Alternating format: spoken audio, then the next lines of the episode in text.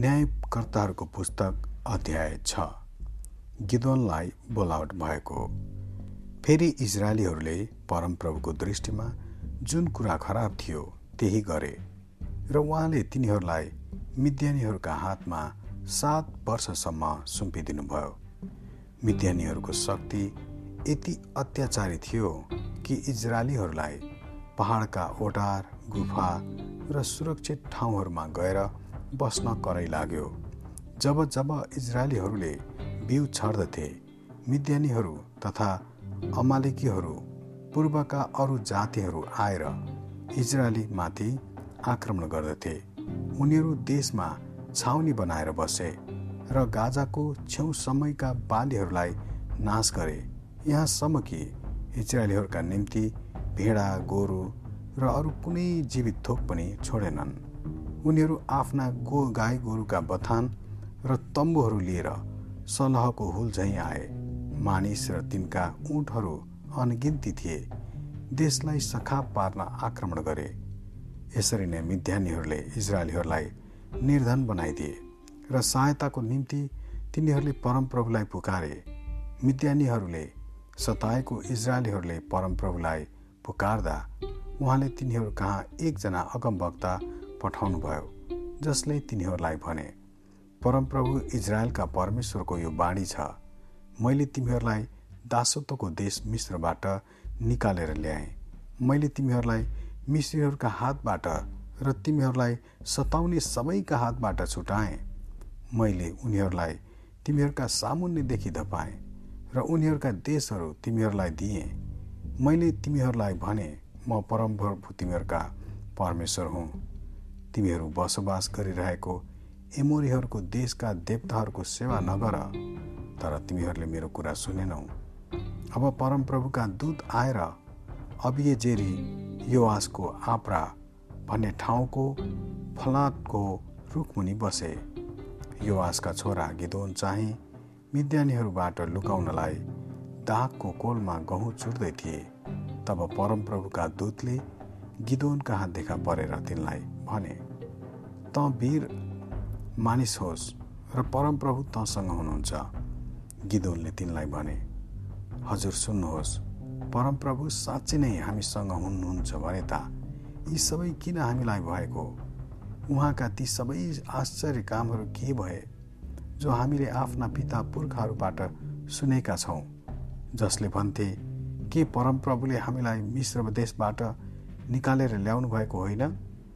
तर अब त परमप्रभुले हामीलाई त्याग्नु भएको छ र हामीलाई मिध्यानीहरूका हातमा सुम्पिदिनु भएको छ। तब तिनीतिरै फर्केर परमप्रभुले भन्नुभयो जा इजरायललाई मिध्यानीहरूका हातदेखि छुटाउनलाई तमा भएको बल प्रयोग गर। तँलाई पठाउने मनै हुँ। गिदौनले उत्तर दिए हजुर सुन्नुहोस् म कसरी इजरायललाई बचाउन सक्छु? मेरो गोत्रलाई हेर्नुहोस्। त्यो त मनुष्यमा सबैभन्दा कमजोर छ र मेरा पिताको घरानामा म सबैभन्दा सानो छु। परमप्रभुले जवाब दिनुभयो म तँसँग हुनेछु र तैँले सारा मिध्यानीहरूलाई एउटै मानिसलाई चाहिँ मार्नेछस्। तिनले भने यदि म तपाईँको निगाह पात्र भएको छु भने तपाईँ नै मसँग बोल्नुभएको हो भन्ने मलाई एउटा चिन्ह दिनुहोस्। बिन्ती छ मैले मेरो भेटी लिएर तपाईँको सामु नचढाउन्जेल तपाईँ यहाँबाट नजानुहोस्। उहाँले भन्नुभयो त नाउन्जेल म यहीँ बस्नेछु। तब गिदोनभित्र गएर बाख्राको एउटा पाठो तयार गरे र पाँच पाथी पिठोको अखमिरी रोटी बनाए। तिनले मासु चाहिँ एउटा टोकरीमा हालेर र झोल चाहिँ एउटा बटुकोमा हाले बाहिर फ्लाटको रुखमुनि उहाँको सामु चढाए। परमप्रभुका दूतले तिनलाई भने त्यो मासु र अखमिरी रोटी लिएर यहाँ चट्टानमाथि राखिदे। र झोल चाहिँ खनाइदे अनि तिनले त्यसै गरे। तब परमप्रभुका दूतले आफ्नो हातमा भएको लौरा पसारेर त्यसको टुप्पाले त्यो मासु र रोटीलाई छोए। तब चट्टानबाट आगो निस्केर त्यो मासु र रोटीलाई भस्म पार्यो अनि परमप्रभुका दूत अलग भए। तब गिदोनले तिनी त परमप्रभुका दूत पो रहेछन् भने थाहा पाए र भने हाय परमप्रभु परमेश्वर यो त साँच्चै पो रहेछ। मैले परमप्रभुका दूतलाई आमेन आमने सामने देखेँ तर परमप्रभुले तिनलाई भन्नुभयो शान्ति नडरा मर्ने छैनस्। गिदोनले परमप्रभुको निम्ति एउटा वेदी बनाए र त्यसको नाउँ परमप्रभु शान्ति हुनुहुन्छ राखे। त्यो आजको दिनसम्म पनि अबिएजेरीको ओप्रामा छ। त्यसै रात परमप्रभुले गिदोनलाई भन्नुभयो तेरा बुवाको बगालबाट सात वर्ष दोस्रो साँडेले तेरा बुबालको बाल देवताको वेदी भत्काइदे र त्यसको छेउमा भएको असेरा देवीको मूर्ति ढालिदे। तब यही अग्लो स्थानमा परमप्रभु तेरा परमेश्वरको निम्ति ठिक ढाँचाको एउटा वेदी बना र त्यो दोस्रो चाहिँ साँडे लिएर तैँले ढाकेको असेराको मूर्तिको काठले होम बलि चढा। तब गिदोनले आफ्ना नोकरहरू मध्येका दसजनालाई लिएर परमप्रभुले तिनलाई भन्नुभए बमोजिम गरे। तर तिनी आफ्ना पिताका घराना र नगरवासीहरूसँग डराउँदथे। यसै कारण तिनले यो काम दिउँसो होइन तर राति गरे। जब नगरवासीहरू बिहानै उठे तब उनीहरूले बाल देवताको वेदी भत्काइदिएको र त्यसको छेउमा भएको असेरा देवीको मूर्ति पनि ढालिएको र गिदोनले बनाएको वेदीमा त्यो दोस्रो चाहिँ साँडे होम्बली चढाइएको देखे। उनीहरूले एक अर्कालाई यो कसले गरेको होला भनी सोधपुछ गर्न लागे र धेरै सोधपुछ गर्दा यो आयसका छोरा गिदोनले गरेको हो भनी पत्ता लगाए। तब सहरका मानिसहरूले यो आसलाई भने तिम्रो छोरालाई बाहिर ल्याऊ। त्यसले बालको वेदी भत्काइदिएछ र त्यसको छेउमा भएको हसेरा देवीको मूर्ति पनि ढालिदिएछ। त्यो मारि नै पर्छ। तर युवासले तिनको चारैतिर भएको विरोधी भिडलाई भने तपाईँहरू बाल देवताको पक्षमा कराउनु भएको? बाललाई बचाउने हामीहरूको काम हो भने तपाईँहरू सम्झनुहुन्छ? त्यसको पक्षमा कराउने बिहानसम्ममा मारिनेछ।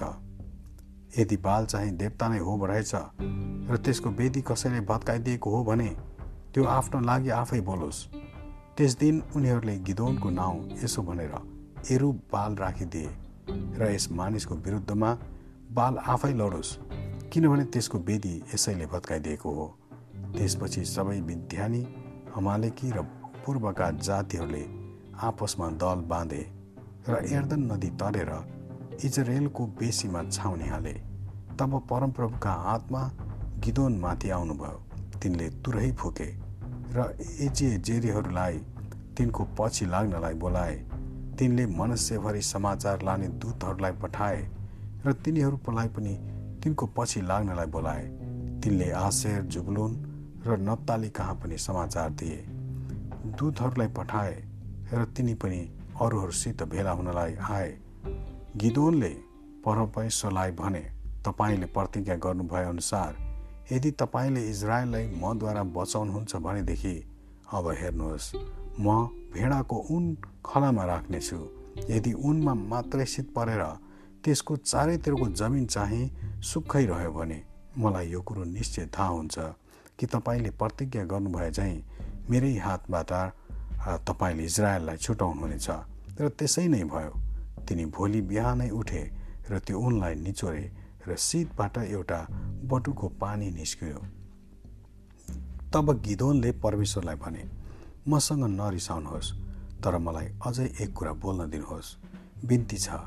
मलाई फेरि एकपल्ट यस उनको जाँच गर्न दिनुहोस्। यदि पल्ट चाहिँ यो त्यो उन मात्र सुक्खा रह्यो र सबै जमिन चाहिँ शीतले भिजोस् परमेश्वरले त्यस राति पनि त्यस्तै गर्नुभयो। उन मात्र सुक्खा रह्यो र त्यसका चारैतिरको जमिनमा शीत परेको थियो। आमेन।